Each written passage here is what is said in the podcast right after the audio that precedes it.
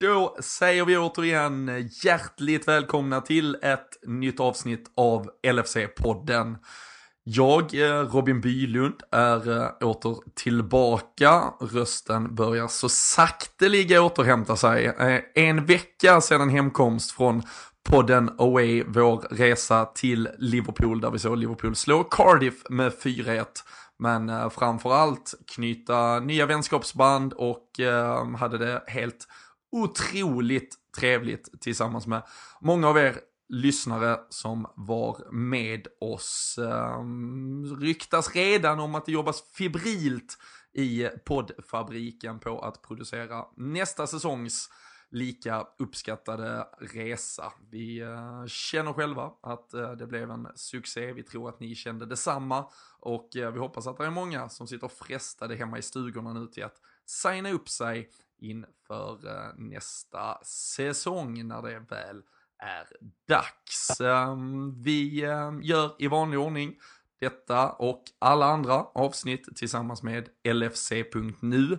Det är ju där ni hittar den svenska officiella supporterklubben och eh, ni tar del av eh, nyheter, statistik, eh, inför rapporter och Eh, matchanalyser och annat spännande från matcher som spelas och surr som cirkulerar kring Liverpool Football Club. Vi har också med oss redspet.com i poddbåten och eh, de fortsätter se till att hålla bra och höga odds på Liverpool och eh, sen så som lite lök på laxen säger man en så, kanske, så erbjuder de alltid eh, chansen för pengar man förlorar att åtminstone gå tillbaka till något så bra som samhället i Liverpool. Så nettoöverskottet som Redspet eventuellt gör, 50% av det plockar man ner och om ni har registrerat er som Liverpool-supporter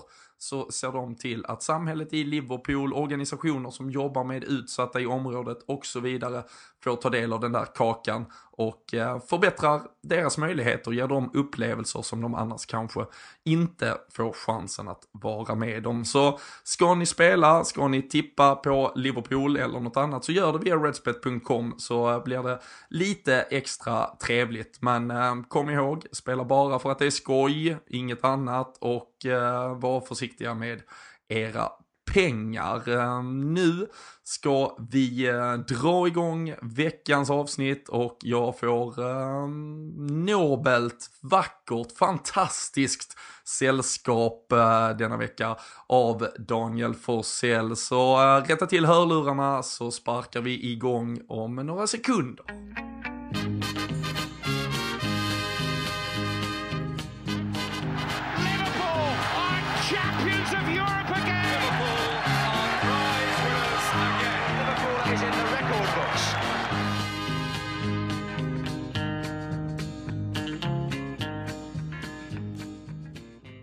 Då uh, välkomnar vi Daniel Forsell och så uh, fyller vi ut uh, så att det blir en dynamisk duo som tar hand om veckans avsnitt.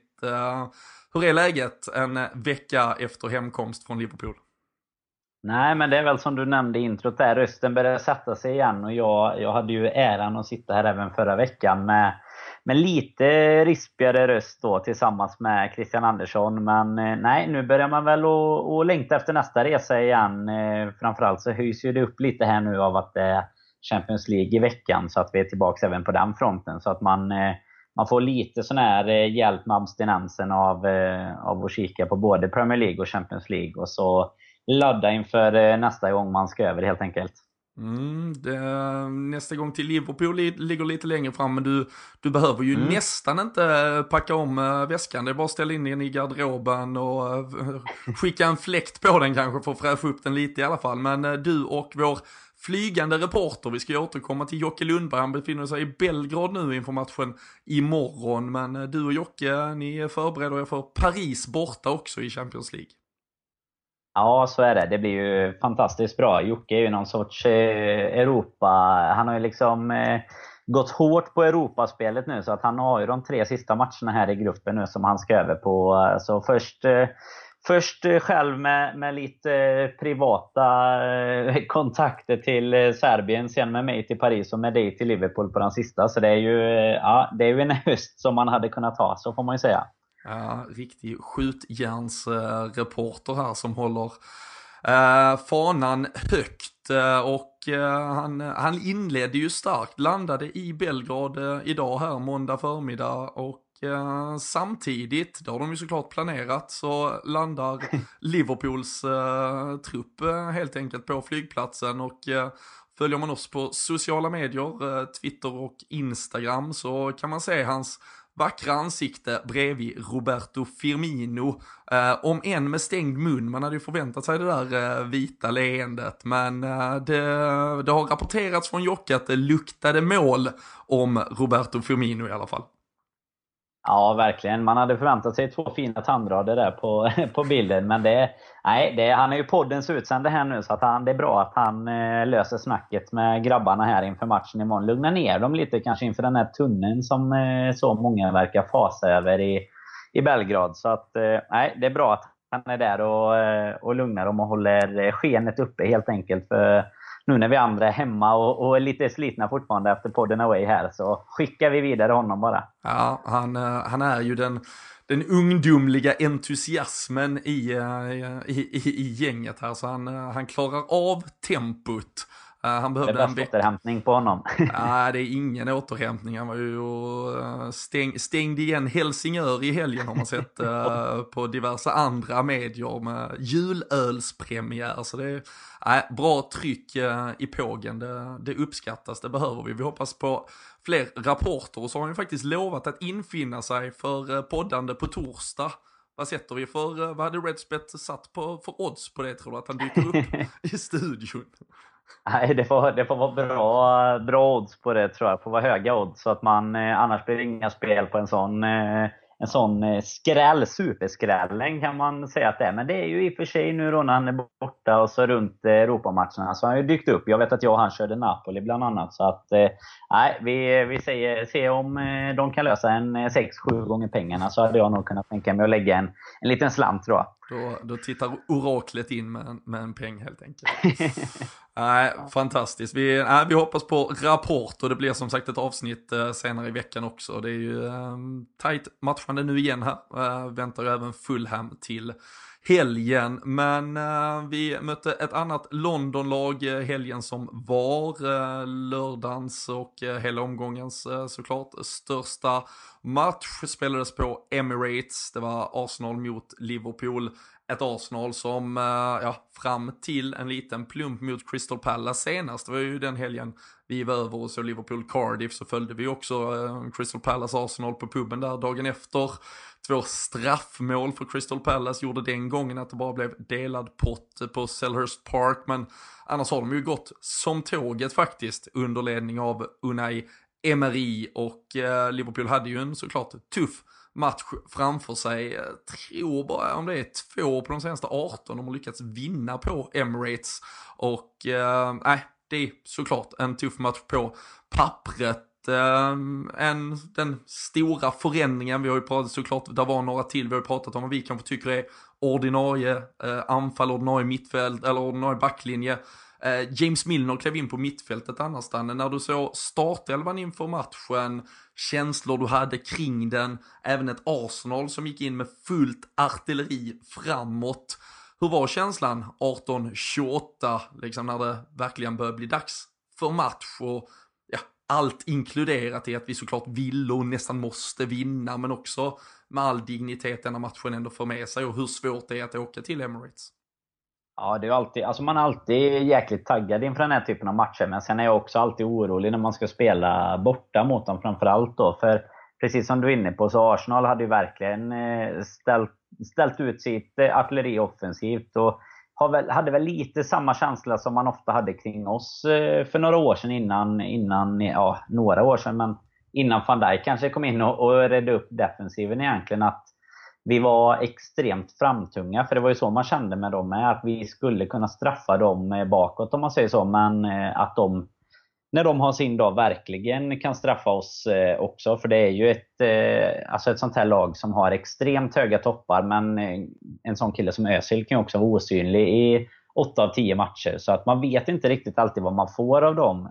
Tittar man på vår alva så tyckte jag väl att det var ganska rimligt, om man ska säga så, att vi kanske sätter ett lite mer arbetande mittfält i en sån här bortamatch där man ändå någonstans står på förhand kanske är någorlunda nöjd med en poäng, även om man alltid går för att vinna. Särskilt om man ska kunna rå på City och, och andra topplag. Men eh, nej, det, jag hade väl ändå ganska bra känsla med våran elva och jag tycker väl att man fick det i matchen också egentligen. Alltså att vi visade vi, vi hade, kändes som att det var lite sådär böljande. Att, först hade vi kanske 10 minuter, sen hade Arsenal 10 minuter. Och det, det sattes ju aldrig riktigt, utan det kändes att det var två lag som kanske är mer för att anfalla än för att försvara egentligen. Även om, om som sagt vårt försvar har blivit mycket bättre, så var det lite så känslan i matchen var. Vi, vi släppte ju faktiskt till en hel del chanser också. Jag kan inte egentligen komma ihåg att vi har släppt till så här mycket chanser i nästan någon match eh, denna säsongen faktiskt. Så att eh, Nej, två, det borde ha blivit mer mål. Så kan man mm. väl,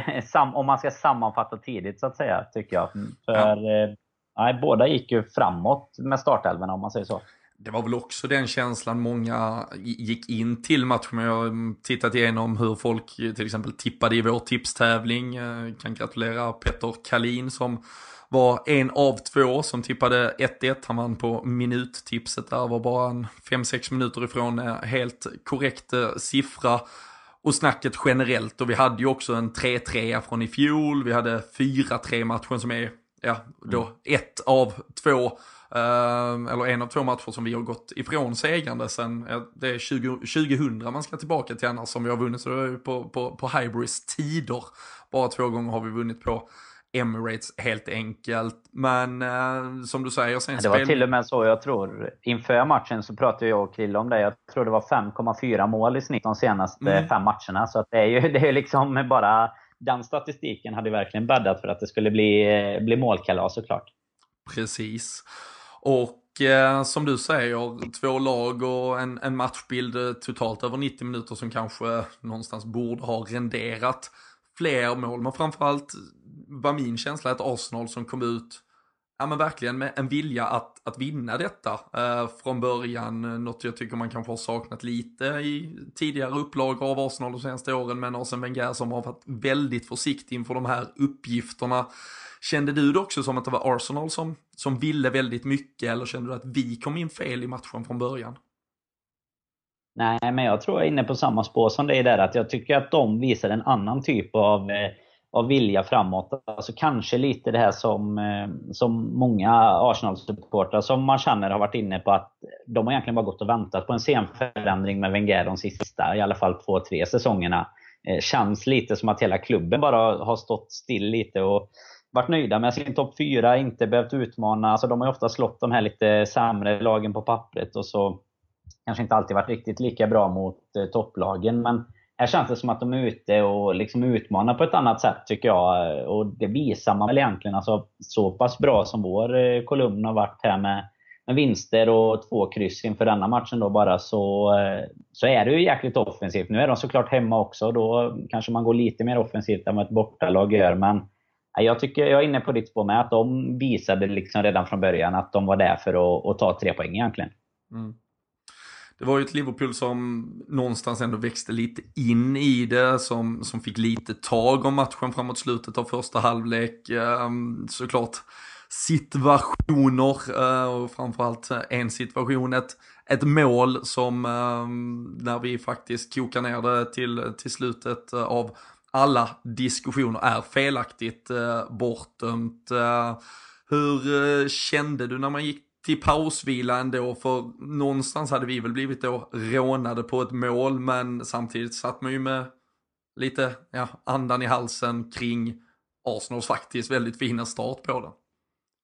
Ja, men så var det ju. Det var ju en, eh, en sån match som jag sa, där båda känns som båda hade kunnat göra fler mål. Och eh, såklart våran situation där, om man ska, ska ta den isolerat, det är ju jäkligt surt. Det går ju fort såklart. Man visste inte riktigt om han blåste för att Mané hade påverkat spelet eh, i den första passningen eller någonting när han ju faktiskt var offside och sen ser man ju snabbt på Twitter och sådär lite bilder på vart linjemannen står när mm. allt sker och sådär. Och det är klart att han står åt helsike fel just när Firminos skott eh, går liksom, ja, och där man egentligen är rätt positionerad då. Men eh, samtidigt, jag vet, alltså man blir ju besviken i stunden, men jag tycker väl att man, eh, precis som spelarna antagligen på planen, man får liksom inte gräva ner sig i sådana situationer eh, bara i alla fall. Utan det är klart att det, det, hade förändrat matchbilden, men det har hänt, jag tror att det till och med var Mané som pratade om det efter matchen, att mm. Eh, det var någon, någon match det med oss mot West Ham. Ja. ja, precis. Så att jag menar, det, det är ju så att de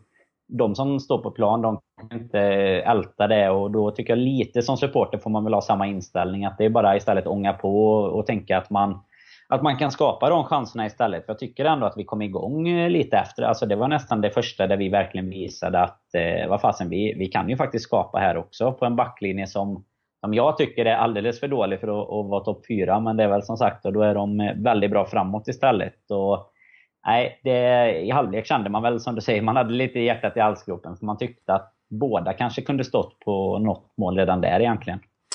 Van Dijk skapar också totalt eh, ja. eh, två fantastiska lägen. Eller ett som verkligen är ett fantastiskt läge och sen har vi ju nicken i stolpen också såklart.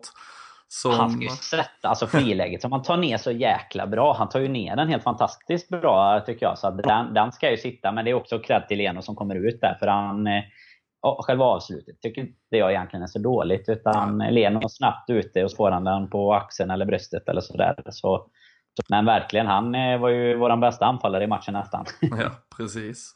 Um, och eh, nej, men som sagt, jag kan bara hålla med. Leno gör ju en uh, extremt fin uh, aktion i, i hela den. Det ser till och med ut som att han räddar den en gång, sen studsar den väl en gång till på van Dijk och han liksom mm. får tag på den på, på andra Ehm, uh, incidenter eller andra situationen där. Så det är väldigt bra. Annars var det ju en målvakt i vår ände eh, som eh, kanske, om en för det där jättemisstaget mot Leicester så ser man det till en 90 minuters match. Var det kanske första gången man har någon form av fog för att tycka att det var lite osäkerhet i Allison. Hur upplevde du hans match? Nej, absolut. Det var det, om man tar bort eh, liksom det individuella misstaget mot Leicester så har han inte gjort någon match, eller egentligen gjort några större misstag eller så. Men han var ute, det var väl Mkhitaryan som nickade va, när han var ute och hängde lite tvätt där. Han var lite osäker. Sen kom han ut. Så den, den sitter ju liksom i, i vanliga fall, kanske om det är en lite bättre huvudspelare. Mm. Sen målet är väl också lite sådär tveksamt. Han är ute och först då när han liksom rusar ut sen lite felpositionerad, fick en att tänka tillbaka på lite sådana här Mignolet-tider när det nästan inte känns som att man hade riktigt koll på vart målet var när han skulle ta sig tillbaka där. Eh, sen är det ett fantastiskt bra avslut tycker jag. Om man tittar på målet av Lacazette. Det är väl, de flesta hade ju passat i ett sånt läge tror jag. Eller sökt en passning i alla fall. Eh, så den tycker jag väl kanske inte är det värsta. Men jag tycker det kände, det var lite som du är inne på, lite sådär eh, ja, osäkerhet och inte den här självklara pondusen som jag tycker att han verkligen har haft i övriga matcher. Där har det liksom inte varit något snack när han kommer ut i duellerna och sådär. Utan bara plockat ner allt som kommer in. Mm. Men det var väl faktiskt första gången det fanns lite fog och ändå tycka att det kanske hade kunnat se bättre ut även om det till slut eh, bara, får man ju säga, då blir ett mål eh, insläppt. Mm. Ja, nej, men jag håller med. Jag var faktiskt själv lite överraskad. Det var ju inte heller att det var första liksom, eh, matchen av lite större dignitet. Vi har ju spelat Tottenham borta, Chelsea borta, vi har haft City hemma och liksom det har redan varit Champions League-matcher av eh, absolut eh, högsta rang också. Men det kändes som någon liten form av osäkerhet. Det var ju också en backlinje som liksom är åter i, liksom, om vi ska kalla ja, fulltalig och komplett exakt som han är van vid ett, det hårt arbetande mittfältet i övrigt framför sig och sådär. Men det kändes som att han ja, hade någon uh, lite, men alltså det är ju klart att den, liksom, du, du, har, du kan liksom inte ha någon järnform. Uh, vi, vi har sett än bättre målvakter och det finns ju inte jättemånga i världen liksom göra, göra sämre insatser eh, också. Så det, det är ju klart att de finns där. Um, händer det en på elva uh, som eh, det har varit under en Premier League-säsong mm. så är väl det någonstans väldigt, väldigt uh, bra och Ehm, det får man väl någonstans landa i. Jag tänkte vi ska prata om lite där förväntan kontra liksom resultat och vad som egentligen sker i klubben. Man märker, vi är liksom väldigt, ja, vi är bara i inledningen av en säsong, men man märker att det finns en helt ny typ av liksom, ja, målbild, kravbild, på allt vi gör egentligen. Um, en Trent Alexander-Arnold som fick sin beskärda del av det nu också. Uh, Fabinho, Gini Wijnaldum som kanske enligt vissa inte gör liksom helt fenomenala insatser, men nu var det liksom det, det går snabbt i hockey som man säger den. Det, väl liksom, det var många som plötsligt inte höll högsta kvalitet enligt mm. eh, folket där hemma. Bara för att vi i en match mot ett helt fantastiskt Arsenal tappar en 1-0 till 1-1 och vi någonstans fortfarande är obesegrade och fortsätter ha en helt fenomenal start eh, resultatmässigt på den här säsongen. Nej, det är en helt annan förväntansbild det är det ju verkligen. Det är ju, jag, jag, blev faktiskt som mest chockad nästan när jag såg eh, köra tips-SM och skulle tippa Arsenal-Liverpool var ju match 1 där på stryket och då, det var typ 50% på tvåa och jag kände bara, när fasen hade vi senast 50% som trodde på oss mot, eh, mot ett topplag borta liksom. Och oddsen på Arsenal var så uppe i 3,80, fyra gånger pengarna. Alltså jag, jag fattar verkligen ingenting. Sen som Liverpool-supporter blir man väl också eller som vi alltid är. Alltså man, man är jag är ofta optimist eh, när det är långt kvar till matchen och så blir man lite mer pessimist ju närmare man kommer. Sådär. Men man tycker liksom, vadå fyra gånger pengarna på Arsenal hemma mot, mot oss liksom. Eh, det är ju ändå någonstans ett topplag som har, som du var inne på, Crystal Palace, visst eh, en plump. Annars hade de egentligen sju segrar var det väl inför mm. den matchen då. Så att det, det, är liksom hela den målbilden som sen också speglar av sig i, våran fanskara egentligen. Där, eh, ja, men det kändes som många i stort sett förväntade sig att vi skulle gå in och spela Arsenal av banan och ta en trea. Eh, och det är ju aldrig riktigt så enkelt. Eh, sen hade man ju givetvis med chanserna som var nu i matchen kunnat argumentera då för att vi, vi faktiskt hade chanserna till att ta en trea, men det hade ju de också egentligen. Och eh, alltså lika eller ett poäng delad pott borta mot ett topplag. Det är ju det är kanske mer Arsenal i så fall om de ska vara på samma nivå som oss som har ett problem tycker jag. För kryssar man mot topplagen borta och lyckas vinna hemma, då tycker jag att man gör en extremt bra säsong individuellt mm. emellan mot dem då. Eh, så eh, nej, det är verkligen både kravbild på hela laget, spelarna och liksom åtta segrar och tre kryss och ändå är det många som, som tycker att det inte har varit riktigt så bra. Jag tror väl till och med att det kanske till och med tangerat den bästa starten vi egentligen gjort i, i Premier League. Och tittar man målmässigt sånt så ser det också extremt bra ut. Sen spelmässigt, visst det kanske finns ytterligare någon nivå i många spelare men borta mot Arsenal så kan man liksom inte förvänta sig att alla ska, ska se precis så glänsande ut som man kanske kan göra mot Röda Stjärnan hemma eller något sånt där, tycker inte jag. Sen, eh, sen är det väl härligt att veta att det kanske finns en nivå till och att vi faktiskt kan vinna även om vi inte spelar som allra bäst mot vissa av de andra lagen då. Men jag var väl lite förvånad både som sagt innan men även efter matchen då att det var så många som ändå verkade tycka att det var, att det var liksom dåligt resultat. Men jag vet inte om det är den här Mané-situationen som som sätter sig liksom i, i det samvetet om man säger så. Att den påverkar och gör att folk tycker att fan vi skulle ju vunnit med 2-1. Eh, jag vet ja. inte, vad känner du? Nej men det är väl klart, alltså det är ju klart att eh, liksom får vi det målet godkänt, eh, vi går till paus med 1-0 och skulle vi dessutom, sen, då är det ju helt omöjligt att veta vilken inställning lagen går ut med till andra halvlek. Då hade väl vi gått ut mer försiktigt, de hade gått ut lite offensiva, men liksom där finns ju också en dimension i att Arsenal lika bra kunde haft 2-0 efter 20 minuter och då hade det kanske varit game game over liksom.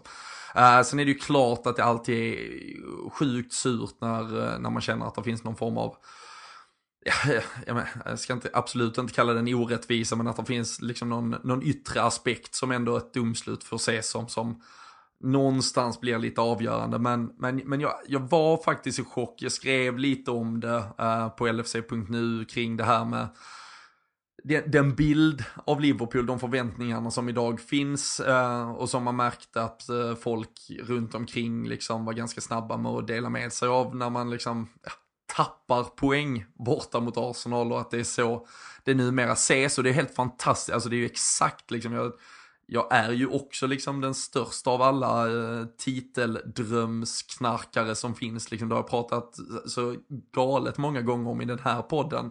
Men vi taktar liksom just nu mot 93 poäng om vi håller vårt poängsnitt från de här 11 första matcherna. Och då ska man komma ihåg att vi de här 11 matcherna redan har mött de fyra främsta konkurrenterna runt omkring oss, varav tre av lagen, Arsenal, Tottenham, Chelsea på bortaplan, Manchester City på hemmaplan.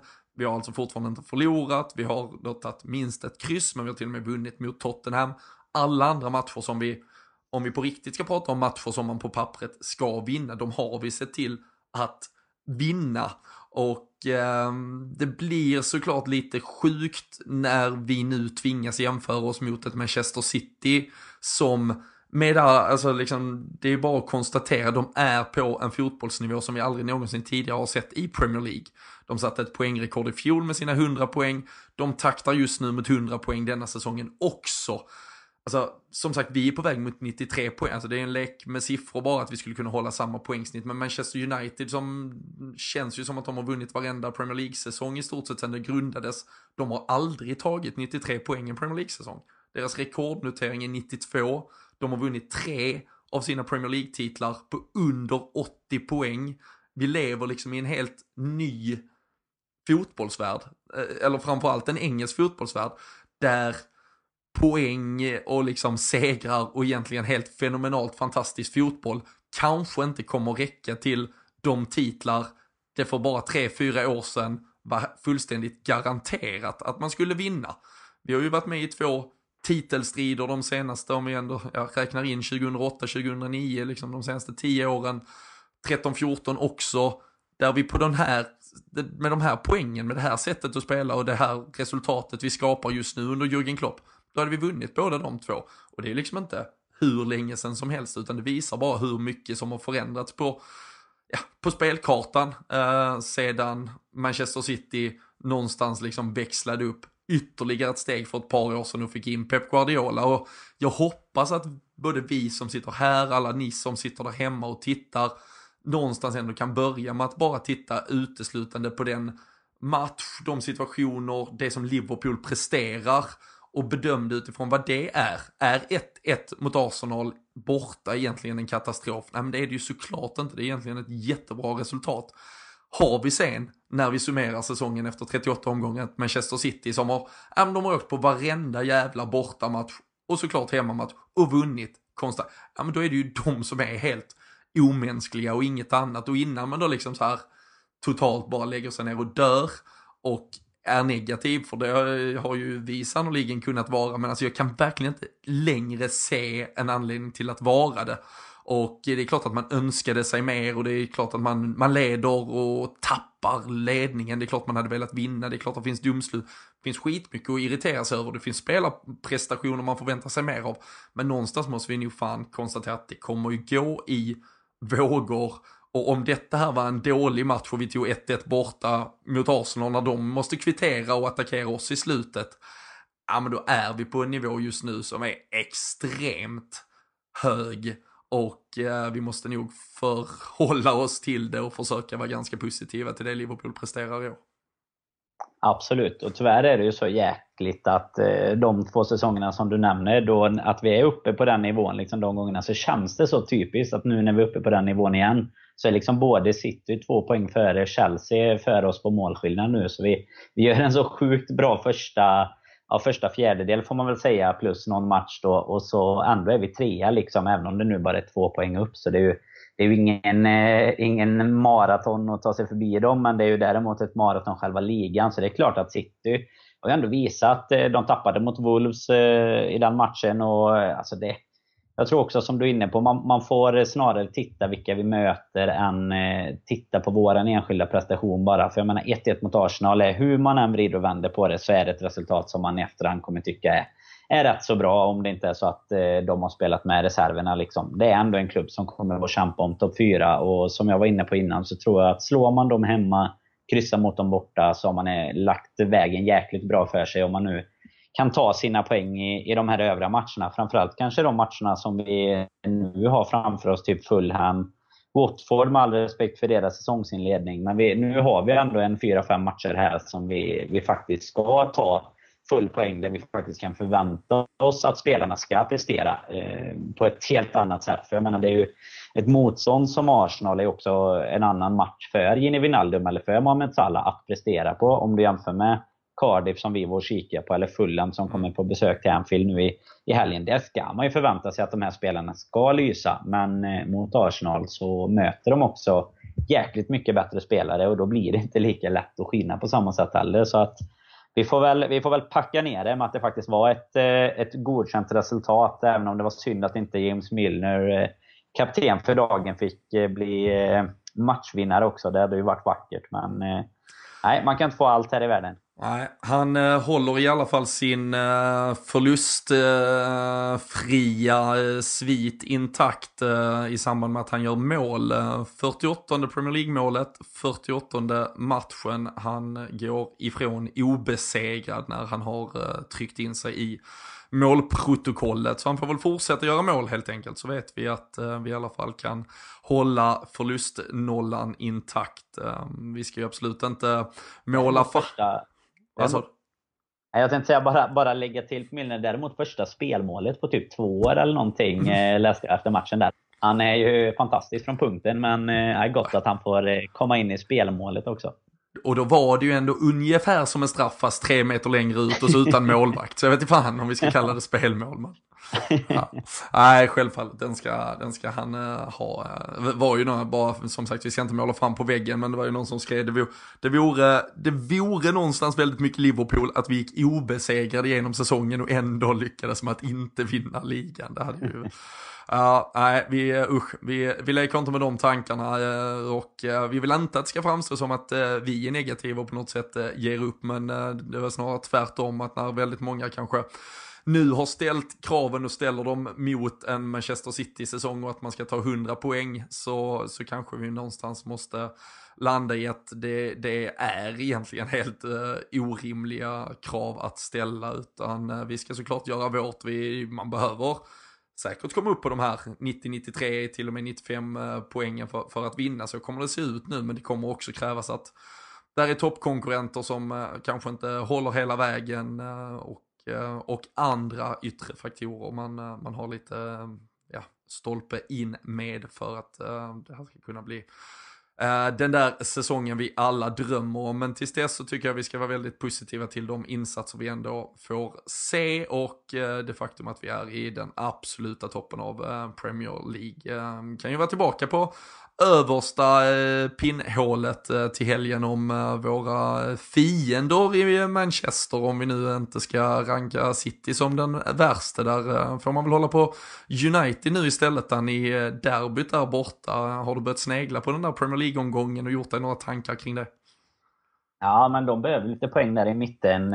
Träsket mot, så de kan komma förbi Bournemouth och Watford och de här lagen som de numera konkurrerar med. Så, eh, nej, men skämt åsido så, så är det väl. Alltså, det är ju absolut en sån chans där... Eh, alltså dels att det är ett derby så, men United är ju förhoppningsvis också ett lag som inte kommer ställa in skorna. För det är faktiskt så det har börjat kännas lite med mm. City. Mm. Att eh, när, när de gör 1-0, 2-0, då ställer lag in skorna mot dem. Alltså de spelar ju ruggigt, ruggigt bra. Man ska inte ta ifrån dem det. Men just det här att de gör liksom 6, 5, 4 mål i alla fall i, i varje match nästan. Det är lite liknande som Cardiff-matchen där tycker jag, även om de fick in 2-1, så gör vi två mål i slutet. Så där pumpar de här storlagen, alltså vi, City, eh, ja, Chelsea just nu egentligen. Pumpar man bara på så gör man några baljor till, ofta efter sådär 70-75.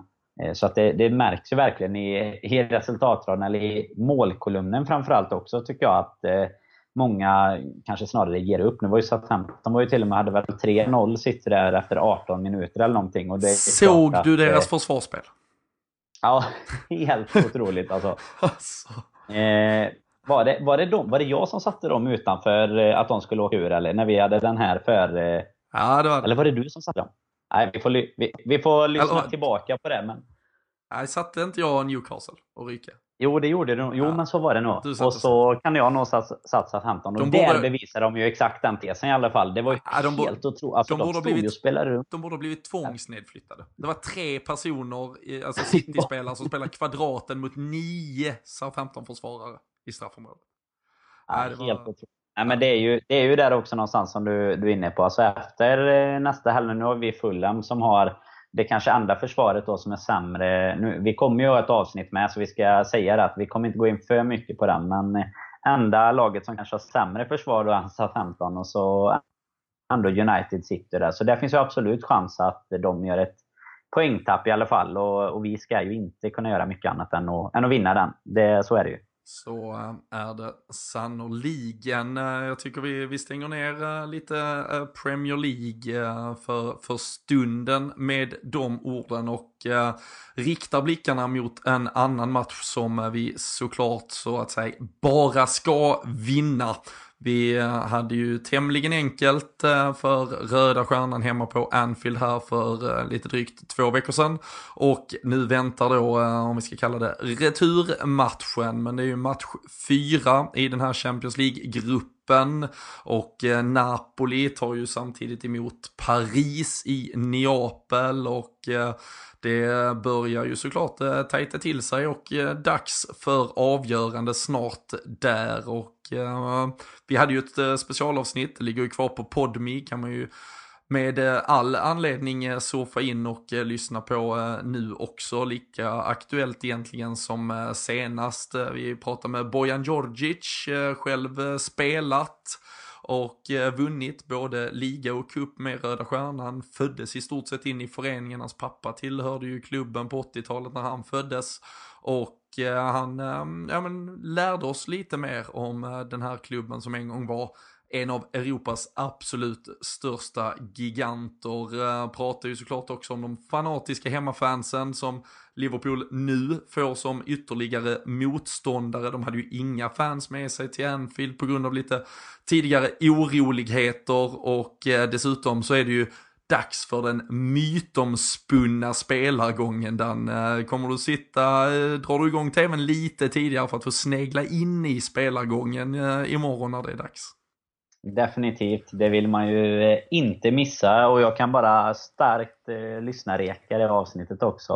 Grymt avsnitt med Bojan faktiskt. Han lite Niva-klass på historierna tyckte jag kring eh, Röda Stjärnan. Man fick liksom hela historien bakom eh, deras eh, stormaktstid och sådär. Så det får man sticka in och lyssna på nu i och med att vi möter dem här nu igen då. Men man fick även kika in i tunneln faktiskt lite. I, de körde någon liten special i studion. Jag vet inte om du såg det? Det var nog inte inför Nej, det kunde inte varit inför våran match i och med att vi spelade hemma. Jag vet inte om det var Napoli-matchen kanske.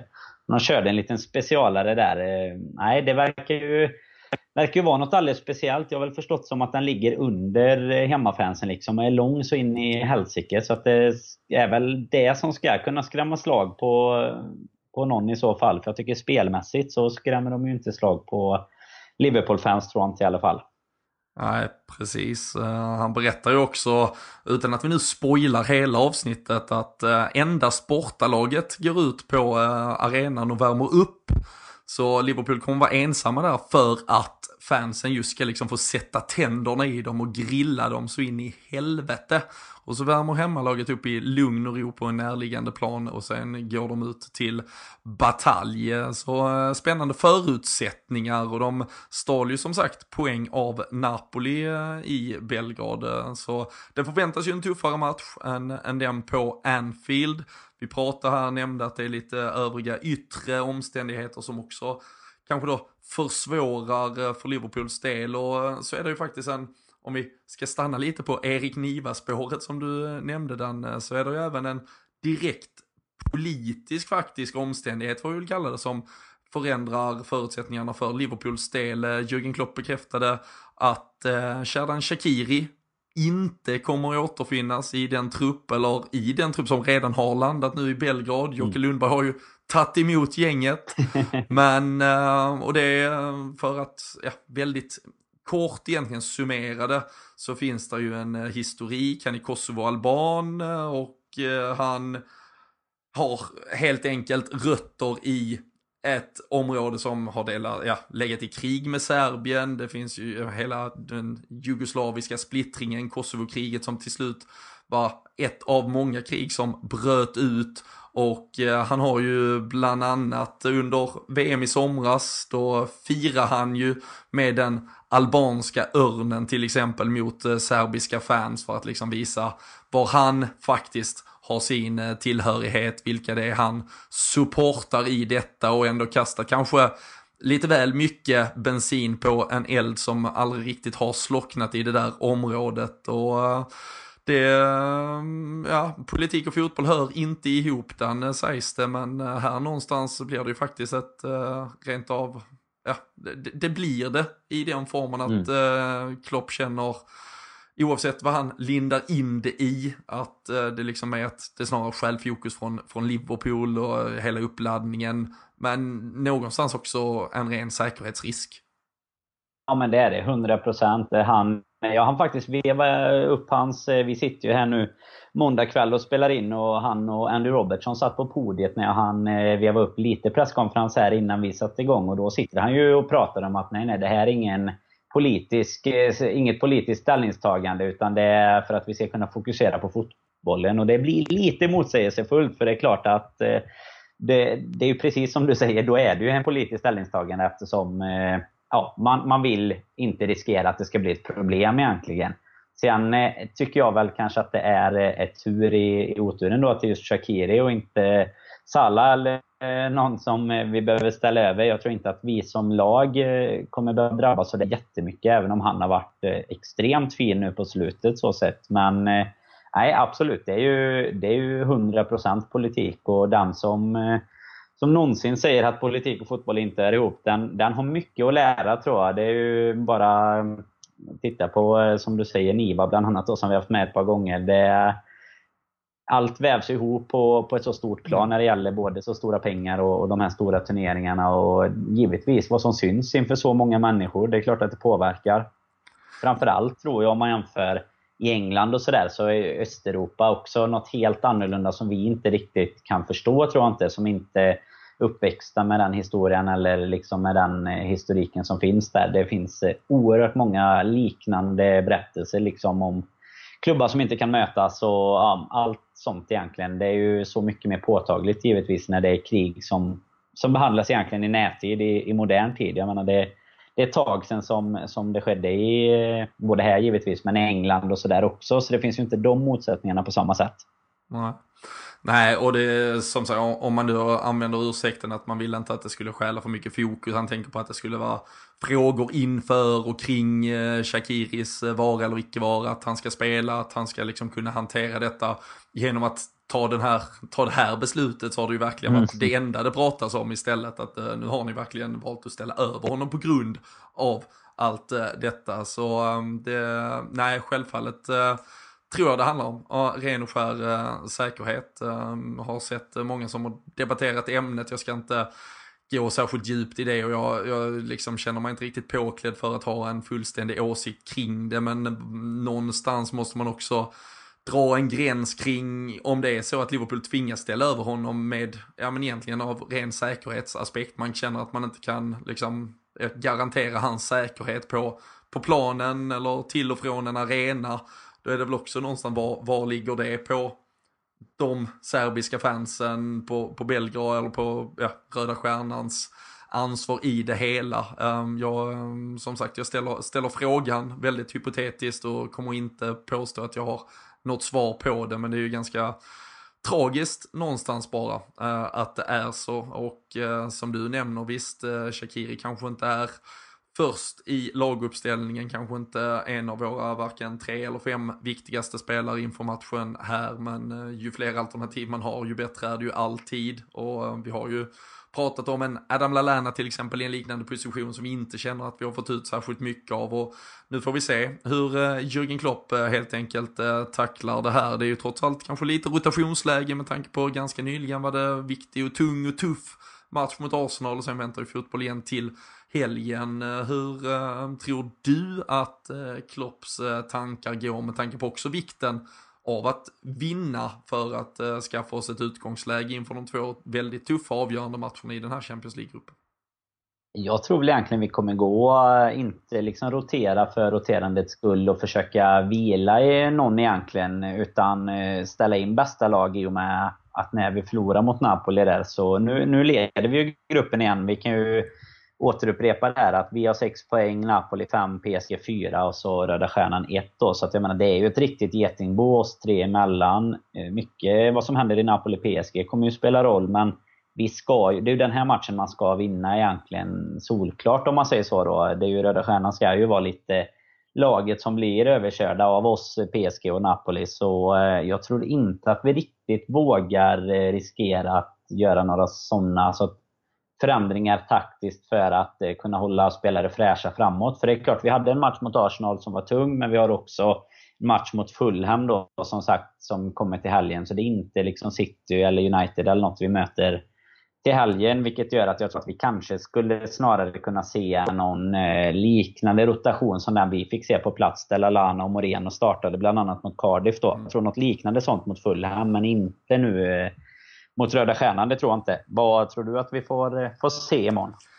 Ja, men framförallt så kan vi väl då konstatera att Sherdan Shakiri med all säkerhet lär starta till helgen istället. Mm. Skulle jag väl tro allt annat vore, vore ganska märkligt. Eh, och uh, tror väl även kanske att det skulle kunna vara, vara fog för en, en Daniel Sturridge till att om inte starta också spela lite mer och avlasta till helgen mot Fulham. Men Um, jag tror också, jag tror liksom vi går för det som Jörgen Klopp i alla fall anser vara starkast möjliga lag, uh, åtminstone från start mot uh, Röda Stjärnan, så får vi se hur uh, liksom, ja, jobbigt vi får det på den här då på förhand skräckinjagande arenan, eller om vi ganska enkelt kontrollerar dem likt vi faktiskt ändå gjorde på hemmaplan. Men um, bör väl se fronttrion intakt. Eh, kan nog finnas eh, också lite med Trent Alexander-Arnolds eh, insats i helgen, fog för någon form av förändring i backlinjen redan mot Röda Stjärnan faktiskt.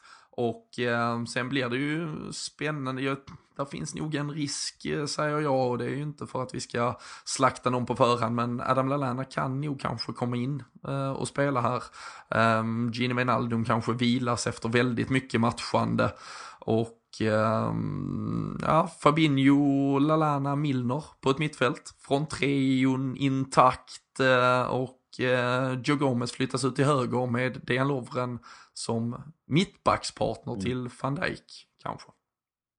Ja, men det känns rimligt. Det tror jag låter. Det är väl mittfältet man har kanske mest frågetecken kring egentligen vad som, vad som kan hända. Men jag tror nog kanske att du är inne på, på rätt spår där även om eh, Ja, men alternativ... Vad vi tycker och vad Klopp tycker är ja, men, olika. Ja, men det blir liksom inte så mycket alternativ med, med Henderson och Keita inte hundraprocentiga mm. riktigt än. Eh, Shakiri lämnas hemma och så är det inte så mycket kvar. Eh, det som skulle kunna vara ett alternativ det är om han går på en 4-2-3-1 och flyttar ner Roberto Firmino i någon form av nummer 10-roll. Eh, han sätter in Sturridge och formerar om lite i den där offensiven för att då klara sig på två mittfältare, kanske Milner och Fabinho. Jag tror han vill vila Wijnaldum som jag tyckte hade en ganska kämpig match mot Arsenal och som också har spelat väldigt mycket den eh, senaste tiden och har alltid väldigt mycket löpmeter i sig. Så um, där uh, Lalana eller Sturridge eh, om vi tittar från mittfält och framåt som kan bli någon form av eh, halvjoker. Eh, de eh, är ju såklart frekventa rotationsspelare men tror någon av dem skulle kunna gå in nu helt enkelt. Och så kanske då att vi får se någon förändring som kanske då ändå inte eh, försvagar laget eh, extremt mycket i, eh, i backlinjen helt enkelt. Men det ska väl kunna räcka till seger Dan, eller vad, vad känner vi? Är du rädd för den här då hemska bortamatchen som det påstås vara? Nej, alltså egentligen inte. Jag tycker det man såg spelmässigt av dem på, på Anfield, eh, de kan inte bli så jäkla mycket bättre på hemmaplan, även om eh, givetvis publiken och hela den biten spelar in också. Men jag måste säga att jag känner inte att det ska kunna bli ett, ett problem egentligen. Sen är det väl såklart, vi hade ju problem första 20 kanske, eller vad det, vad det blev nu innan vi gjorde 1-0 sist. Kom inte riktigt igång spelmässigt. Ja, de hade en men hög det var ju, press. Ja, och det var lite också kanske beroende på att vi inte eh, var helt beredda på det. Sen la vi om det lite och då eh, tycker jag egentligen att vi dominerade den matchen och spelade av den ganska enkelt. Och det är väl så det, det egentligen borde se ut i den här matchen. Sen är det klart att eh, det byggs upp mycket kring det här med, med arenan och tunnel och deras fans och alltihop. Men någonstans så är det ändå 90 minuters fotboll ska vi kunna kunna lösa det på. Det tror jag. Det, jag hade blivit förvånad om vi inte tar en trea i, imorgon faktiskt. Mm. Och eh, som du nämnde, du rabblar ju eh, tabellen eh, väldigt eh, snyggt. Eh, rinnande vatten. Vad sa du? Ja, som rinnande vatten. Som det, rinnande det är det enda som finns på näthinnan nu. Ja, precis. Eh, men vid seger går Liverpool upp på 9 poäng och eh, får man då eh, drömma lite så vinner i alla fall inte PSG i Neapel utan ett kryss eller hemmaseger där så uh, har vi ju alltså fem poäng eller kanske fyra eller fem poängs försprång troligtvis till PSG och skulle vi då kunna gnata till oss ett uh, kryss eh, i Paris eller bara slå Napoli hemma så är allting biff och en slutspelsplats är nerpackad i säcken. Så viktigt att eh, trots allt få med sig den här segern. Så eh, som eh, vi båda verkar inne på så lär det inte vara någon form av eh, allt för stor rotation och något eh, vilande och försiktighet utan eh, fullt blås krävs. Och Ehm, kan ju också bli målskillnadshistorier som är av intresse. Vi såg ju PSG pulverisera det här Röda Stjärnan när de mötte dem på hemmaplan. Vi gjorde ju något liknande såklart, men Napoli har ju kvar att möta dem i Neapel. Så eh, det, det krävs att man eh, presterar. Eh, så ska ju sägas att Paris också ska till den här uh, tuffa bortamatchen och spela i sista omgången när vi möter Napoli. Så uh, det finns goda förutsättningar för att Liverpool presterar i den här gruppen, men uh, väldigt mycket kan avgöras genom ett bra resultat i morgon. Ehm, vi eh, får väl avlägga vårt tipp också. Det är ju dubbelt upp på orakelfronten detta avsnitt så vi ska väl tillsammans kunna koka ner något bra va? Det tror jag absolut. Jag, eh, jag kan börja med facit då egentligen. Då, då är det 2-0 till Liverpool. 0-2 om man nu ska tippa resultat så att man är med på att eh, vi spelar borta också. Men eh, kommer se bättre ut, men vi kommer missa en del lägen också. Men eh, 2-0 kommer ändå kännas spikat och klart. Ja, men det låter ju taget på förhand. Och ska ni vara med och tippa, gör inte som någon gjorde i helgen och tippa en match som spelades för två veckor sedan. Det var någon som gick in och tippade Liverpool Röda Stjärnan 7-1. Fel också. Ja, det, är, svagt alltså. Det är svagt, där måste vi vara tydligare med reglerna. Tippa inte gamla matcher, ska ni göra det så tippa rätt. tippa rätt. Ja.